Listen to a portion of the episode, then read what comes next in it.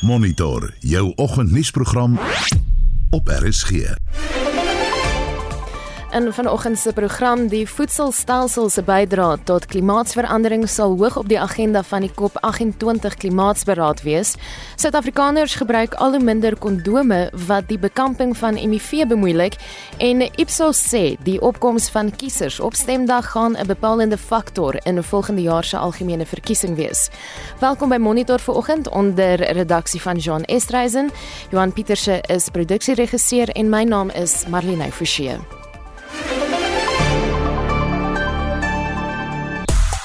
In jou sportnuus, die SA Ope golftoernooi is aan die gang en ons hoor van die voorloper na ronde 1. Ons gesels oor al die naweek se rugby aksie en Indië en Australië pak mekaar vandag in die 4de T20 wedstryd. En die feesseisoen is amptelik hier. Ons wil by jou weet, het jy al jou vakansie beplan en waarheen gaan jy? Watter faktore neem jy in ag veral nou dat ons weet die 15de Desember is ook 'n vakansiedag? Het dit jou beplanning 'n bietjie verander? En uh, watter faktore neem jy in ag om jou bestemming te kies? Jy kan 'n SMS stuur na die nommer 458 0891104589 teen R1.50 per boodskap.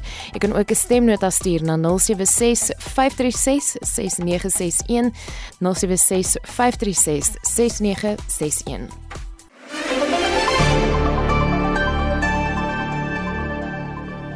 Dis 10 oor 6. Welkom by Monitor. Ons begin met die staatsman en beroemde Amerikaanse minister van buitelandse sake en Nobel Vredesprys wenner Henry Kissinger wat Woensdag dood is by sy huis in die deelstaat Connecticut in die ouderdom van 100 jaar. Kissinger se naam was sinoniem met realpolitiek en Anita Visser het Roland Henwood van die Universiteit van Pretoria gevra wat die term beteken. Kissinger was die verpersoonliking van iemand wat na die praktyk gekyk het. Met ander woorde, wat is werkbaar, wat is moontlik en wat kan die beste bereik word en hom nie laat voorskryf en bind deur morele en ideologiese kwessies nie.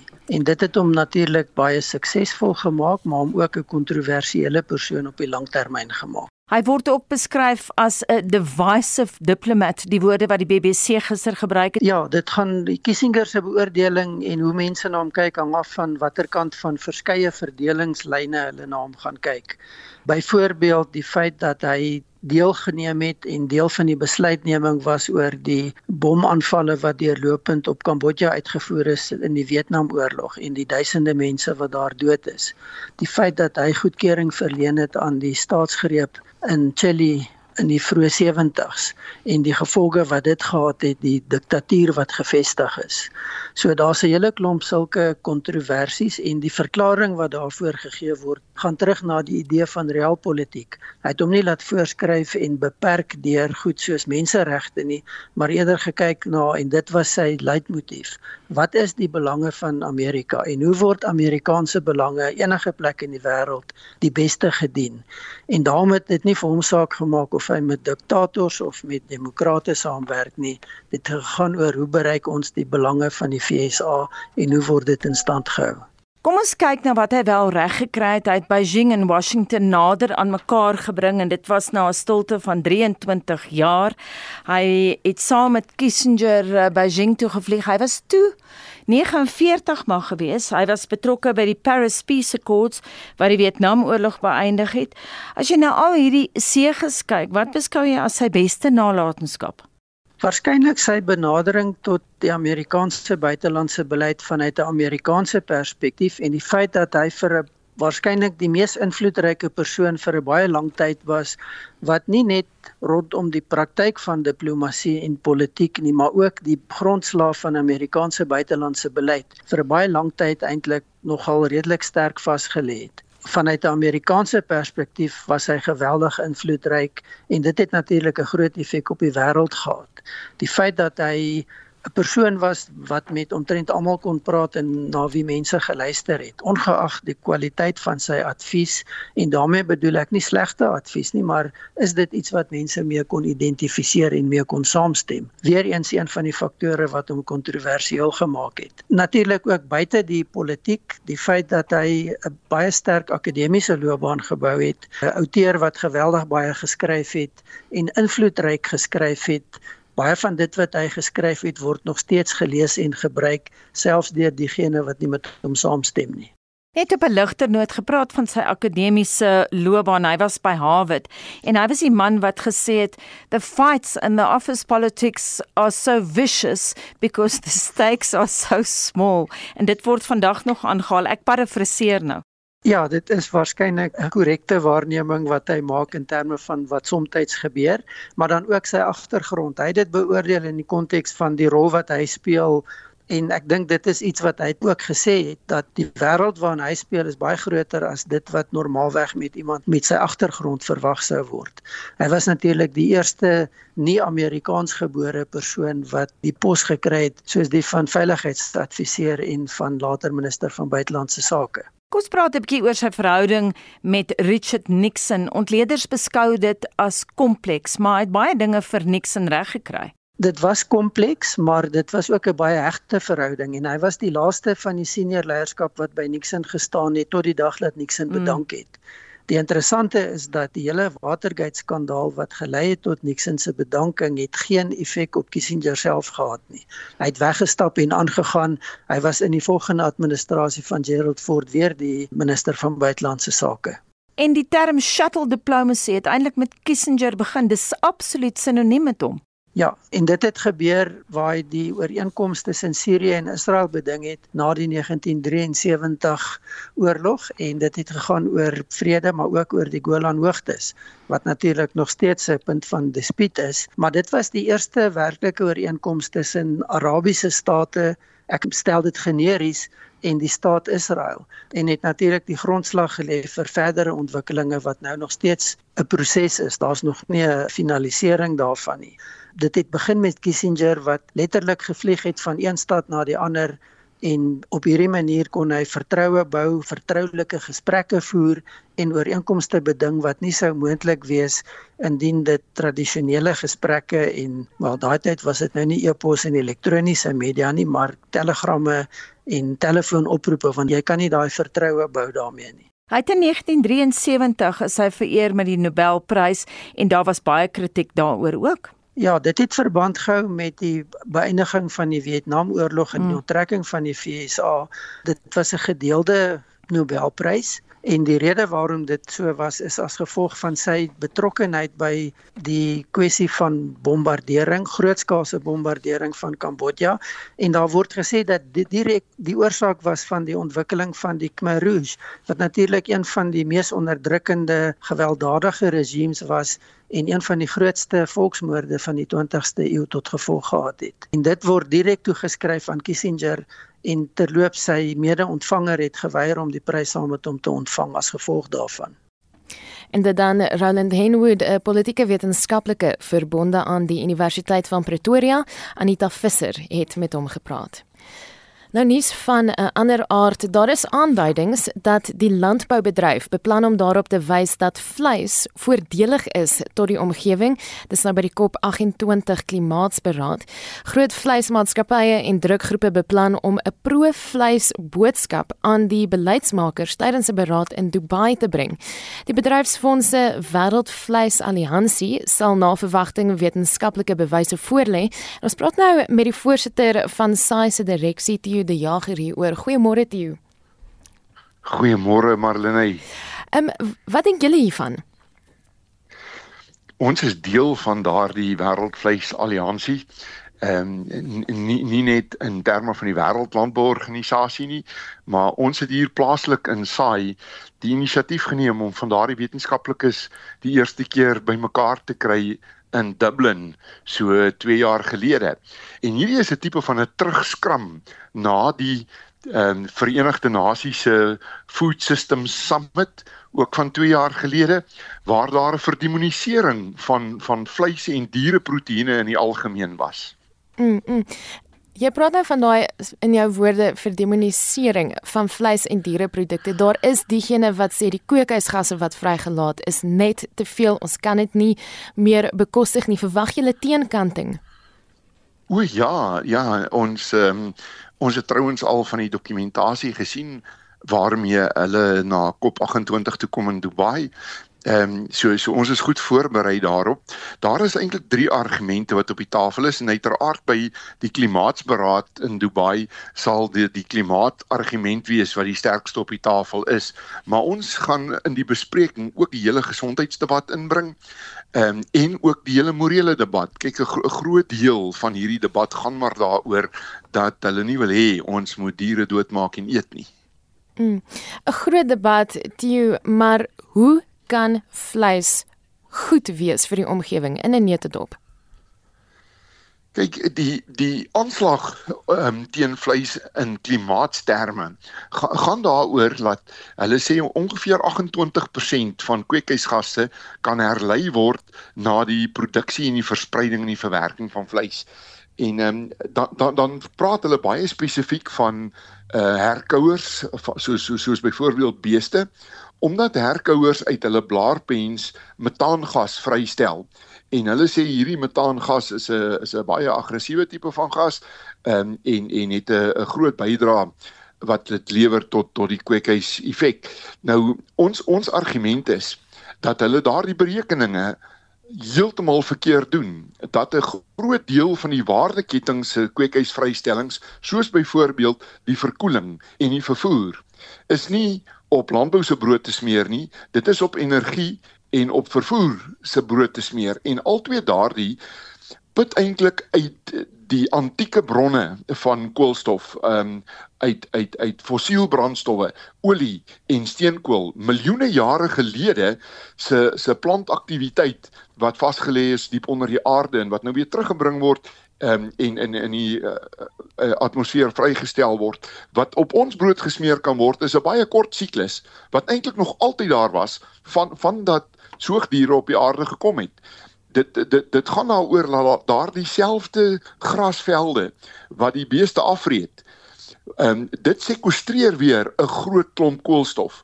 En mm. en selfs die metaangas wat vrygestel word het maar 'n leeftyd van 10 tot 12 jaar in die atmosfeer, dan breek dit in elk geval af na koolstof en na na na water wat terugkom as reën en juis daardie koolstof is wat weer gesekwestreer word. So ons sê dit is bitter onregverdig om um dieselfde maatstaf te gebruik vir hierdie kort siklus as wat hulle gebruik vir die die die die um miljoene jare se siklus wat in in die in die in die koolstofketting uit fossielbrandstowwe kom. Mm. Net 'n laaste vraag te jou, hoekom is dit vir julle so belangrik as julle organisasie maar ook op internasionale vlak, veral vir Suid-Afrika, um, om hierdie debat te gaan voer en om dit suksesvol te voer? Omdat die veeboerdery wat die oudste bedryf in landbou is, ehm um, vee is al gedomestikeer omtrent 11 en 'n half duisend jaar gelede, ehm um, is tot vandag toe nog grootliks gedryf deur familieboerderye. Terwyl die alternatief vir diereproteïene sal in die hande wees van groot maatskappye. Kyk maar na die debat tussen margarine en botter. Margarine dan nou die plantaardige uh, alternatiewe botter. Enige kleinskaal boer wat een koei besit, kan ook botter maak. Maar om margarine te maak, het jy 'n 'n fabriek nodig en 'n kom, komplekse verspreidingsstelsel en groot kapitaal. So hier, hierdie is 'n verlengstuk van ons geveg vir die oorlewing van jou klein en jou medium skaal boerdery, jou familieboerdery opset. Dit was die jager voorsitter van die SAI direksie. Die jongste opname deur die Raad vir Geesteswetenskaplike Navorsing of die RGN toon dat die voorkoms van HIV hoër is onder vroue as in mans in Suid-Afrika. Volgens die RGN het 7,8 miljoen Suid-Afrikaners in 2022 met HIV geleef. Vir meer hieroor praat ons nou met die direkteur van die Bekkie Cisa Sentrum vir Gesondheidsjournalistiek, Miamalan. Goeiemôre. Goeiemôre Marlenae. Die navorsing toon 'n afname in die getal Suid-Afrikaners wat met HIV leef. Wat is die redes hiervoor? Die grootste rede Marlenae is 'n um, behandeling, met ander woorde antiretrovirale um, behandeling. So wanneer mense met vig daardie behandeling neem, laat dit hulle nie net langer leef nie. Die ander ding wat dit doen is dit laat die um, vlakke van HIV in hulle um, stelsels afkom tot sulke lae vlakke dat dit onmoontlik is vir hulle hulle te min virus in hulle liggame om vir iemand anders die virus oor te dra. En omdat so verskriklik baie mense nou op ehm um, behandeling is, beteken dit dat daar vreeslik baie mense is wat met vigs wat nie die virus kan ehm um, oordra aan iemand anders nie. En as ons kyk in Suid-Afrika, hoeveel mense het um vigs en dan hoeveel van hulle is op behandeling? Daar's 7.8 miljoen mense met HIV in Suid-Afrika en van daardie 7.8 miljoen is omtrent 5.5 miljoen, omtrent 70% op behandeling. So iets waaraan ons op die oomblik moet werk is om meer mense op behandeling te kry.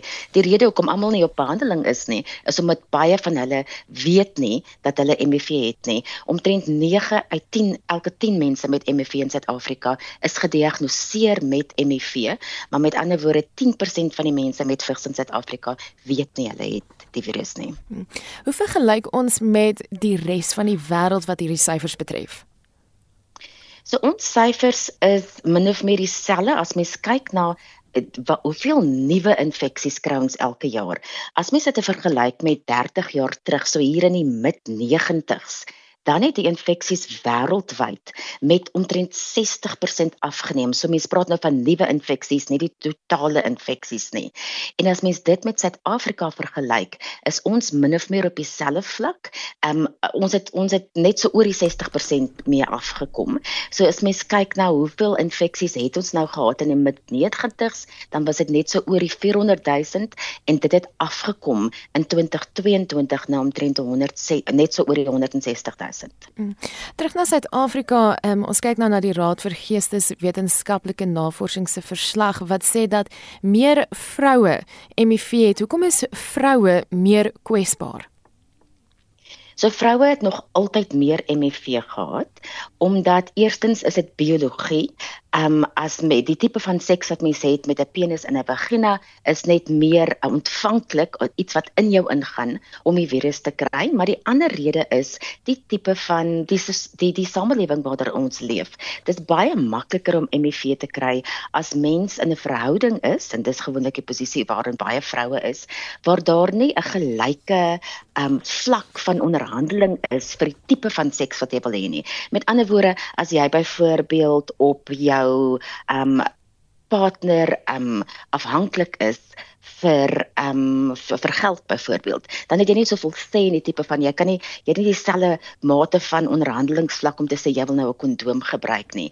Maar die interessante ding Marlenae is is dat vroue um met HIV raak vroeër gediagnoseer as mans. Met ander woorde hulle kom op behandeling op 'n vroeër stadium as mans in hulle siekte. En dis hoekom daar's meer vroue met HIV, maar daar gaan meer mans dood met HIV as vroue. En die rede is omdat hulle baie later as vroue dikwels behandeling kry en as mens hoe later in jou siekte verloop jy die behandeling kry, hoe groter is jou kanse om siek te word en om dood te gaan. Een van die redes hoekom vroue baie vroeër daai behandeling kry, is omdat vroue raak swanger en hulle gaan na um, na klinieke um, weet wanneer hulle swanger is en hulle word outomaties getoets vir HIV. Maar mans het nie so iets in hulle lewe wat hulle outomaties voor na kliniek gaan nie. Hmm. Ja, almal praat altyd van voorkoming wanneer dit kom by HIV. Een van die maniere om so te maak is met kondome. Wat toon die statistiek van die gebruik van kondome in Suid-Afrika? So die statistiek wys van die van die ehm um, die uh, navorsingsraad dat kondoomgebruik het afgegaan in Suid-Afrika. Ehm um, die vorige studie was um, in 2017 gedoen en hierdie een wat nou uitgekom het hierdie week wys vir ons wat mense in 2022 doen.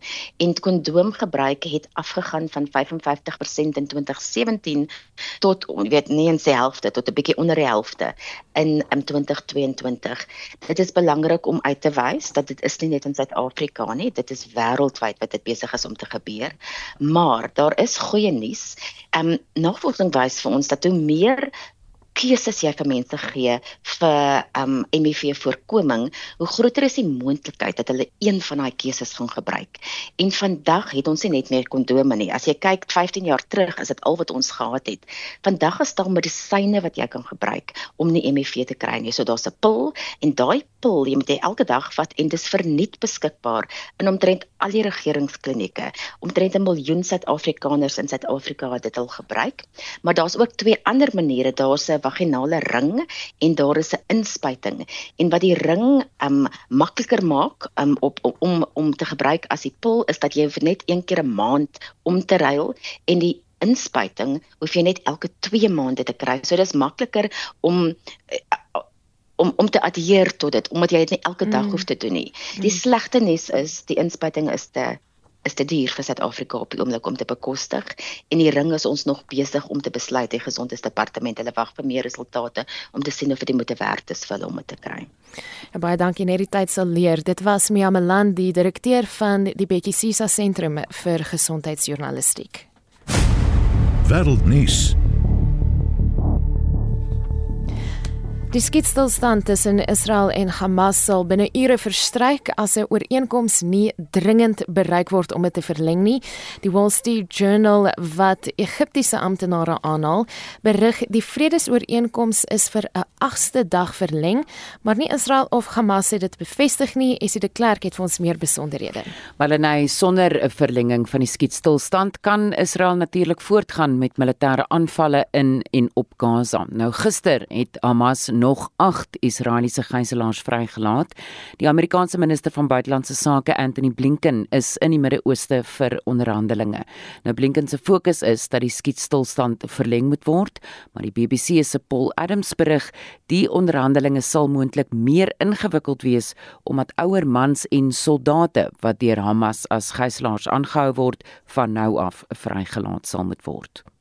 Those negotiations are extremely difficult, extremely sensitive, and at the moment, the chances of success seem a little remote.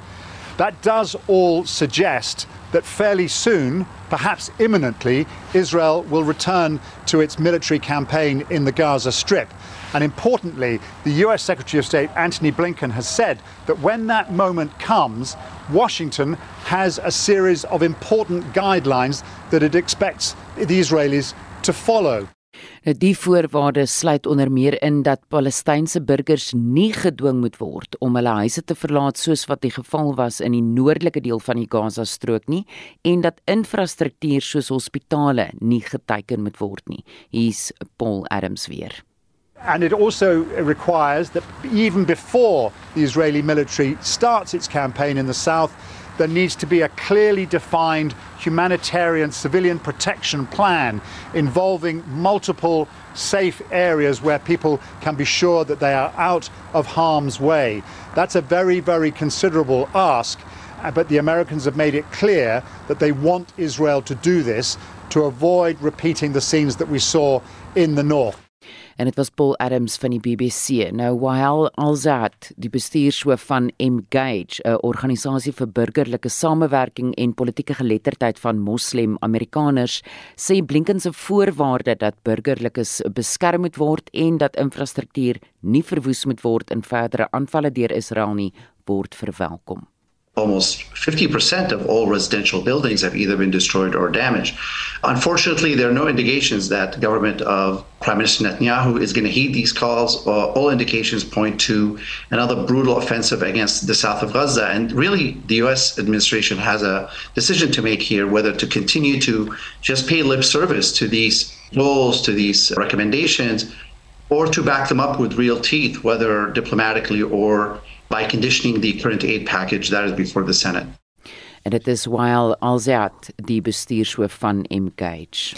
Intussen is daar gister nog 30 Palestynse gevangenes vrygelaat in Israel. En Marlenae, sover is 210 Palestynse gevangenes vrygelaat en talle van die wat vrygelaat is is meestal tienerseuns en vroue en hulle sê hulle is kort voor hulle vrygelaat is deur bewakers in die tronke in Israel waar hulle vonnisse uitgedien het aangerand. Een van die tienerseuns wat gister vrygelaat is, is Mohammed Nazal Nazal wat sê beide sy hande is gebreek nadat hy aangerand is. Die Israeliese owerhede het ontken dat Nazal se hande in die tronk gebreek is en het beeldmateriaal vrygestel waar hy aan die Rooikruis oorhandig word en op 'n bus klim sonder dat sy hande verbind is. Maar Nazal sê die eerste mediese behandeling wat hy ontvang het was deur die Rooikruis op hierdie bus. Nou, ekstrale en twee onafhanklike dokters het bevestig dat sy hande wel gebreek is. Hier is Nazal kort nadat hy met sy familie herenig is. Hy sê ook tronkbewaarders het gevangenes met stokke aangerand en geskop en hulle is deur honde aangevul. They arranged us so that the elderly prisoners were put in the back and the young in the front. They took me and started beating me. I was trying to protect my head, and they were trying to break my legs and my hands. The dog attacking me wore a muzzle with very sharp edges. His muzzle and claws left marks all over my body. Then they started beating us. They took our mattress, our clothes, our pillows, and they threw our food on the floor. People were terrified. En dit was 'n Palestynse tienerseun, Mohammed Nazal, wat gister uit 'n tronk in Israel vrygelaat is. Dit was Estie de Klerk met 'n oorsig van vandag se wêreldnuus. Jy luister na Monitor. Elke weekoggend tussen 6 en 7. In die tweede halfuur van die program, 'n onlangse Ipsos peiling toon dat die veelparty koalisie meer as 30% van steun onder kiesers het en Afriforum sê die konsep weergawe van nasionale polisieeringsbeleid bied nie oplossings om polisieering te verbeter nie. Bly ingeskakel hier op RSG.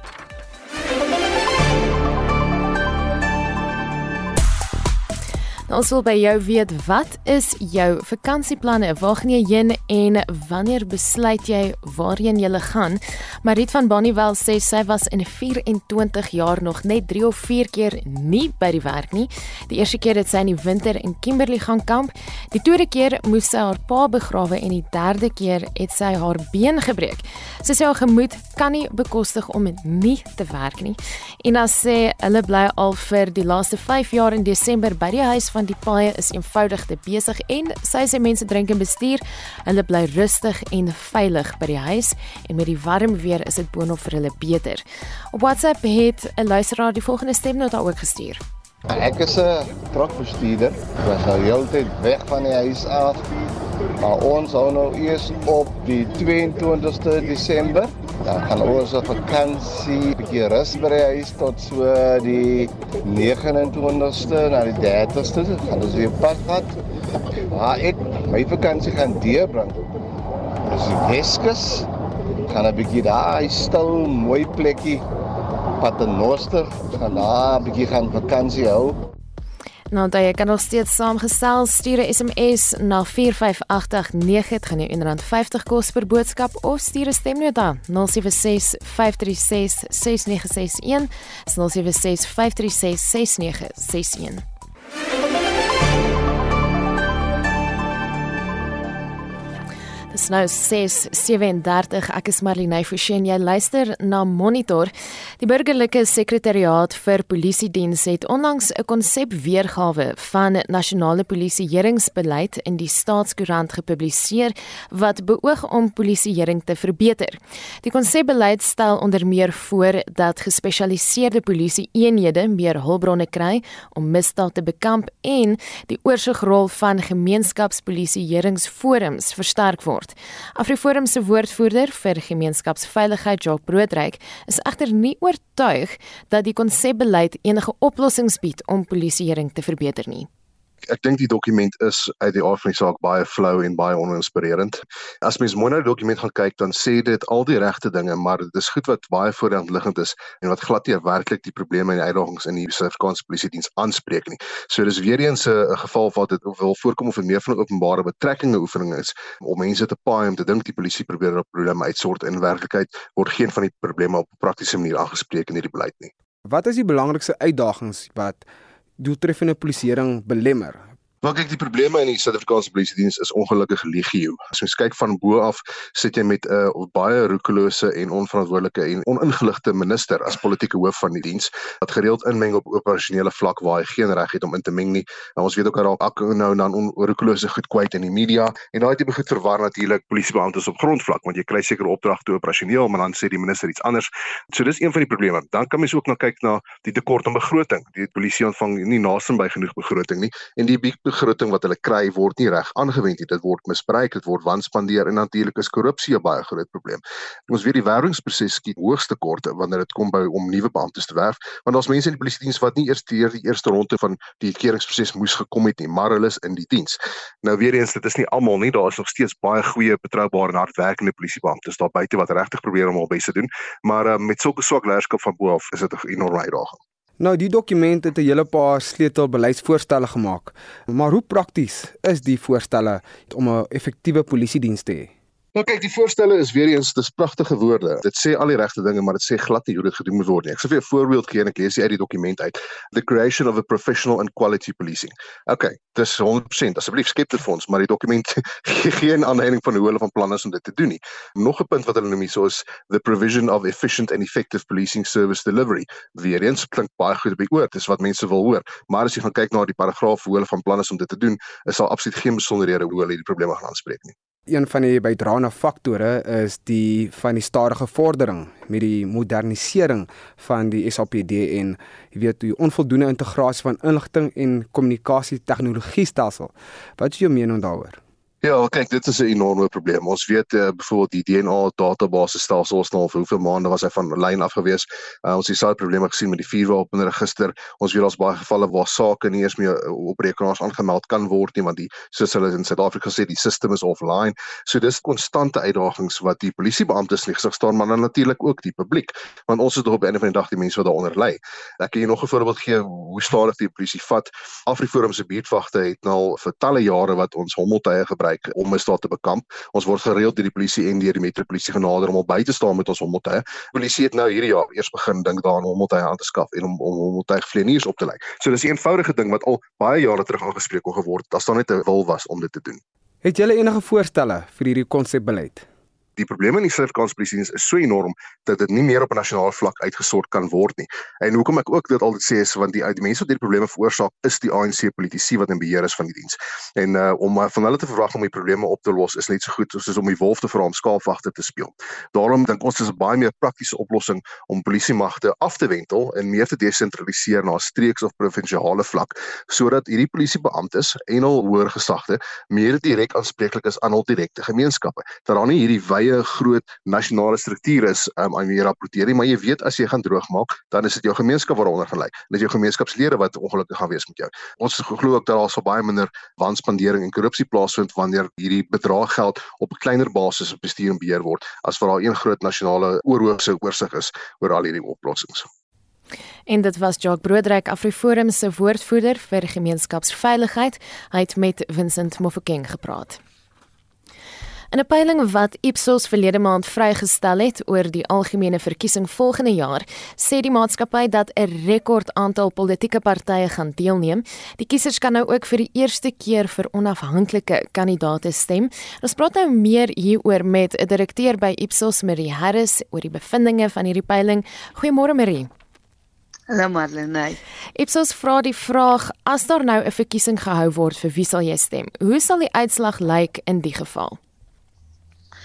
Wel, as ons aan die mense kyk wat geregistreer is by die IC, dan sal die ANC ongeveer 43% van die stemme kry, die DA 20, die EFF 18 min of meer die IFP 5 Action SA 4 ACDP 1 Vryheidsfront plus 2 Cope 1 en ander partye omtrent 6%. Ehm um, dit is nogal belangrik om in gedagte te hou wat ek aan die begin gesê het, naamlik dat dit die mense is wat by die IEC geregistreer is. Nie mense wat sê hulle gaan stem of mense wat ehm um, sê hulle is geregistreer of ehm um, net die algemene publiek wat almal ehm um, wel kan stem nie, die 18 jaar en ouer is nie. So mens moet baie versigtig wees as jy na hmm. die uitslae van peilings kyk om seker te maak waarmee jy werk. Mm. Maar nou so gepraat van hierdie peiling, almal is besig om te praat oor die onafhanklike kandidaate. Almal nou asem op oor wat daar gaan gebeur. So hierdie mense wat nou deelgeneem het aan die peilinge, wat wys die syfers oor die steun aan hierdie veelpartytjie koalisie wat uit 6 partye bestaan? Die veelpartytjie koalisie se steun lê so tussen 31 en 33%. Ehm um, as jy dit alles bymekaar tel, so ek dink dit wel toe die peiling gedoen is, sou dit die uitslae gewees het hulle sou ongeveer 'n derde van die stemme getrek het. Mm, is jy verbaas oor hierdie uitslag? Nee, nie regtig nie, want ehm um, wel die veelpartytjie koalisie het natuurlik ehm um, voeg 'n hele klompie partye saam. Dis baie moeilik om die kleiner partye in die koalisie se steun te bepaal. So dis waarom ek ook nie baie uh definitief is oor die steun tans nie. So die, die insit is tussen 31 en 33. Maar wat my klein bietjie verbaas is dat die steun soort van dieselfde bly. Ek dink is omdat daar ook nie baie gewag gemaak is van die koalisie in die afgelope paar maande met nie. Die grootste probleem wat hulle het dink ek is dat mense nie daarvan weet nie. Ehm um, hmm. en selfs as hulle nie nou dit aan die groot klok hang voor die verkiesing nie en 'n koalisie maak na die verkiesing op 'n samewerkingsooreenkoms dan ehm um, baie baie mense weet nie dat hulle saamwerk nie en ek dink dit kan wel in hulle voor, voordeel tel die feit dat hulle saamwerk. So ek dink hulle het nogal 'n redelike ehm um, inligtingstaak wat voor hulle lê voor die verkiesing. Baie dankie, dit was Marie Harris, 'n direkteur van Ipsos. Die George munisipaliteit in die Wes-Kaap neem proaktiewe stappe om die energiekrisis aan te pak. Nou dit sal gedoen word deur sonkrag fotovoltaïese of PV aanlegte. Nou George is die afgelope tyd die voorloper in hernubare energie. In 2016 het die George lughawe die eerste lughawe in Afrika geword wat ten volle sonkrag aangedrewe is. In dieselfde jaar was die Tuinroete distriksmunisipaliteit die eerste munisipaliteit in die land wat groen geword het nadat hy in honderde PV sonpanele belê het vir sy geboue. Tanya Krause doen verslag. Om munisipale dienste deur beurtkrag aan die gang te hou, kos dit daagliks sowat 250 000 rand se diesel vir kragopwekkers. In 'n poging om die gevolge van die energiekrisis te verminder, word hernubare energieprojekte by munisipale geboue en infrastruktuur ingestel. Dit sluit 'n 500 kW piek PV aanleg by die Guang rioolsuiweringsaanleg in en 'n 400 kW piek PV aanleg by die Outeniqua rioolsuiweringsaanleg. Die adjunkdirekteur by die George munisipaliteit se elektrotegniese afdeling, Daniel Greef, verduidelik. As ons kyk byvoorbeeld na Outeniqua se installasie wat gedoen is, kan hy opwek in die orde van 680 megawattuur per jaar. Dit is 'n besparing van omtrent 'n miljoen rand per jaar op energieaankope as ons kyk na Eskom tarief. Die afbetaling dan op die installasie is dan in die orde van 7 jaar. Maar die groot voordeel vir die munisipaliteit op die stadium is nie noodwendig die finansiële aspekte daarvan nie, maar die volhoubaarheid van energie. Al hoe meer energiebesparingsprojekte kan in en om George gesien word. Die verkeersligte by ongeveer 50 kruisings is reeds toegerus met onbeperkte kragtoevoer of IPS-eenhede met 'n paar hoofkruisings wat deur sonkrag PV-installasies aangedryf word. Reservoirs wat problematies is met die pomp van water wanneer beurtkrag tref, is toegerus met kragopwekkers om water na huishoudings te laat vloei. Die burgemeester van George Leon van Wyk sê stappe moet geneem word om alternatiewe kragbronne te vind om stede aan die gang te hou. 'n 2 uur beurtkrag gedurende werksure is al reeds 'n probleem. Ons moet nou die 4 uur se beurtkrag gaan in 'n werksdag. En dit gaan uiteindelik in baie vinnig ons ekonomie afwaarts druk en ook natuurlik jou werkskepping. Want met mense moet werk hê. En ons kan nie so voortgaan met hierdie tipe probleme nie. En dit is hoekom ons nou hierdie uitdaging aanpak en ons werk baie hard om seker te maak dat ons probeer voortbly en proaktief is om hierdie uitdaging aan te pak. Die volgende stap is om 'n sonkragplaas van 1 megawatt aan die netwerk te koppel met planne om nog 'n 9 megawatt sonkragaanleg te bou. Ek is Tanya Krause op George in die Wes-Kaap. Dis nou tyd vir die jongste sportnuus met Jody Hendricks en Jody by die SA Ope Golftoernooi is dit rondte 2 wat vandag voorlê. Ja, by die Blair Ethel Golfbaan Marlene Joachim Lagering van Swede eerste op die voorlopersport. Hy het gister 65-7 onder baan sy vir aangeteken en is dan die voorloper na ronde 1. Dit is wat hy oor sy ronde gister gesê het. Golf was fun today. Yeah, really enjoyed it. I've really been uh, finding my putting uh, this week, I would say. I've been struggling a little bit last few weeks and just all came together today, so I hold a few good ones. Yeah, told my caddy out there today. Played 240 meters today, one of the par threes, and it might be one of the longest I've played. Not club wise, I hit a three iron, but uh, I mean, 240 meter, that's a long way. It's quite firm, the fairways, if you're hitting good drives, but I mean, it's very rare that you come in with a wedge. You, you'd be surprised when you have a wedge in your hand into a par four, so it is long. Daar's ook 'n paar opwindende sokkerwedstryde in Engeland die naweek. Ja, môre aan om 10:00 pak Newcastle United en Manchester United op St James mekaar, een slegs 1 punt tussen die twee spanne. En dan Sondag aand half 7 die kampioene Man City teen Tottenham. En uh, dit is City tweede en Tottenham vyfde op die punteleer so 'n paar uh, lekker wedstryde waarna luisteraars kan uitsien. En dan cricket, India en Australië pak mekaar vandag in 'n T20 wedstryd.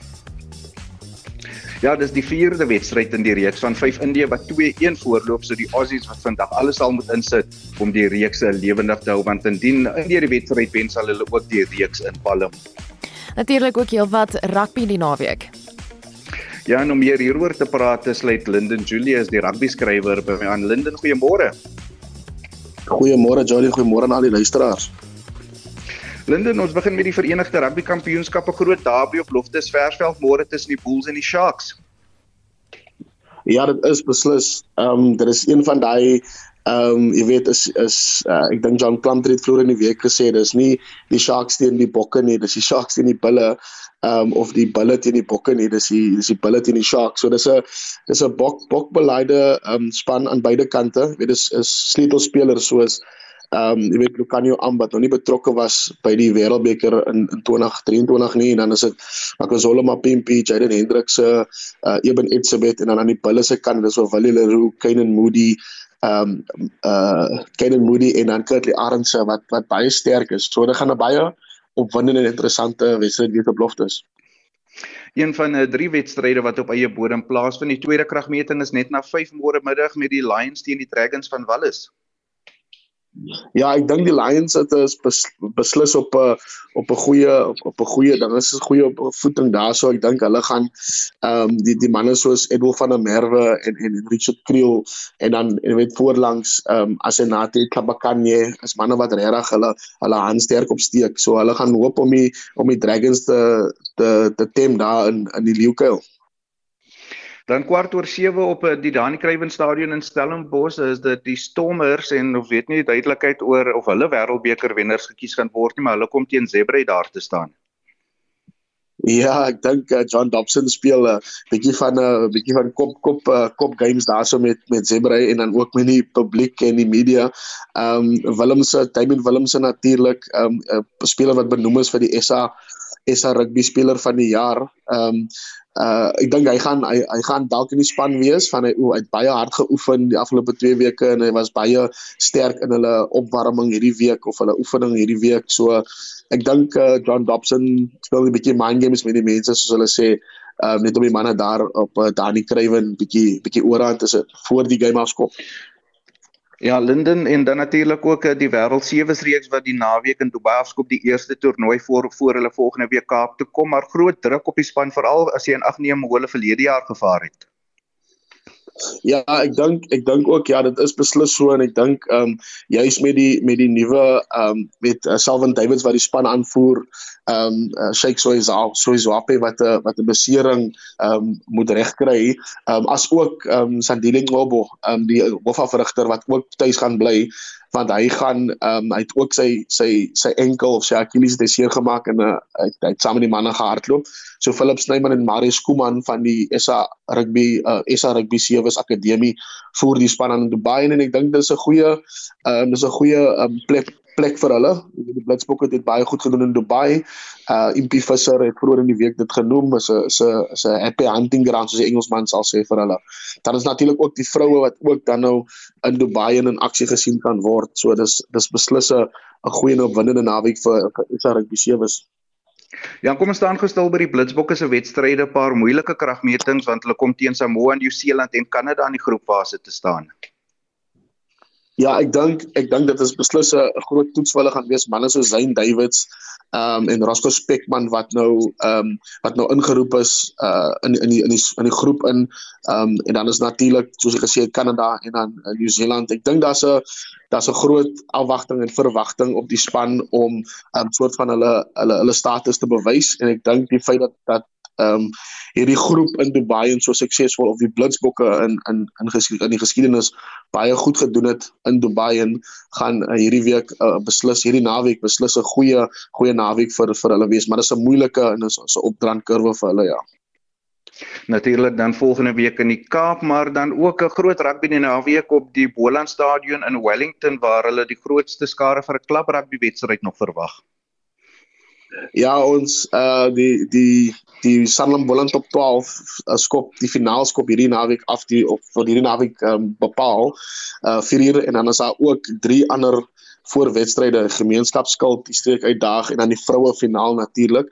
Uh gemeenskapskuld is Elim teen Greenleaves en dan is dit Rossenwil teen Toupark en dan is dit Sentrale Wolves vroue teen die Walkaby vroue en dan die dan die top 12 finale Safco United teen Robertson. Beide spanne is onoorwonne en daar word groot groot skare verwag. Ehm um, Jody verlede naweek was daar so net so bietjie meer as 8000 ehm um, mense in die Boland stadion. So hulle verwag ehm um, hulle hulle hoop dat daar 'n bietjie meer sal wees en dit en dit lyk ook so. Ehm um, kyk baie van die mense ehm um, trek nou op van dis dis R40 een kaartjie en ek en ek kan vier finale kyk. Ehm um, so dis dis beslis uh, 'n uh, groot klip rugby klip rugby naweek. Nie net in Boland nie maar in Suid-Afrika. En dit was dan Linden Julius, uh, die rugby skrywer wat oor die naweek se rugby aksie met my gepraat het en Marlenae daarmee terug na jou toe in die ateljee. Baie dankie, dit was Jerry Hendriks van RSG Sport wat met die rugby skrywer Linden Julius gepraat het. Vorige uitsendings van al ons nuus en aktualiteitsprogramme is as 'n potgooi op RSG se webtuiste beskikbaar. So indien daar enige iets is vanoggend waarna jy weer wil luister, jy weet waar om te kry. Ons groet namens ons uitvoerende regisseur Nicoline Lou. Die redakteur vanoggend is Jean Estreisen en die produksieregisseur is Johan Pieterse. My naam is Marlene Forsie. Geniet die res van jou dag in die geselskap van RSG.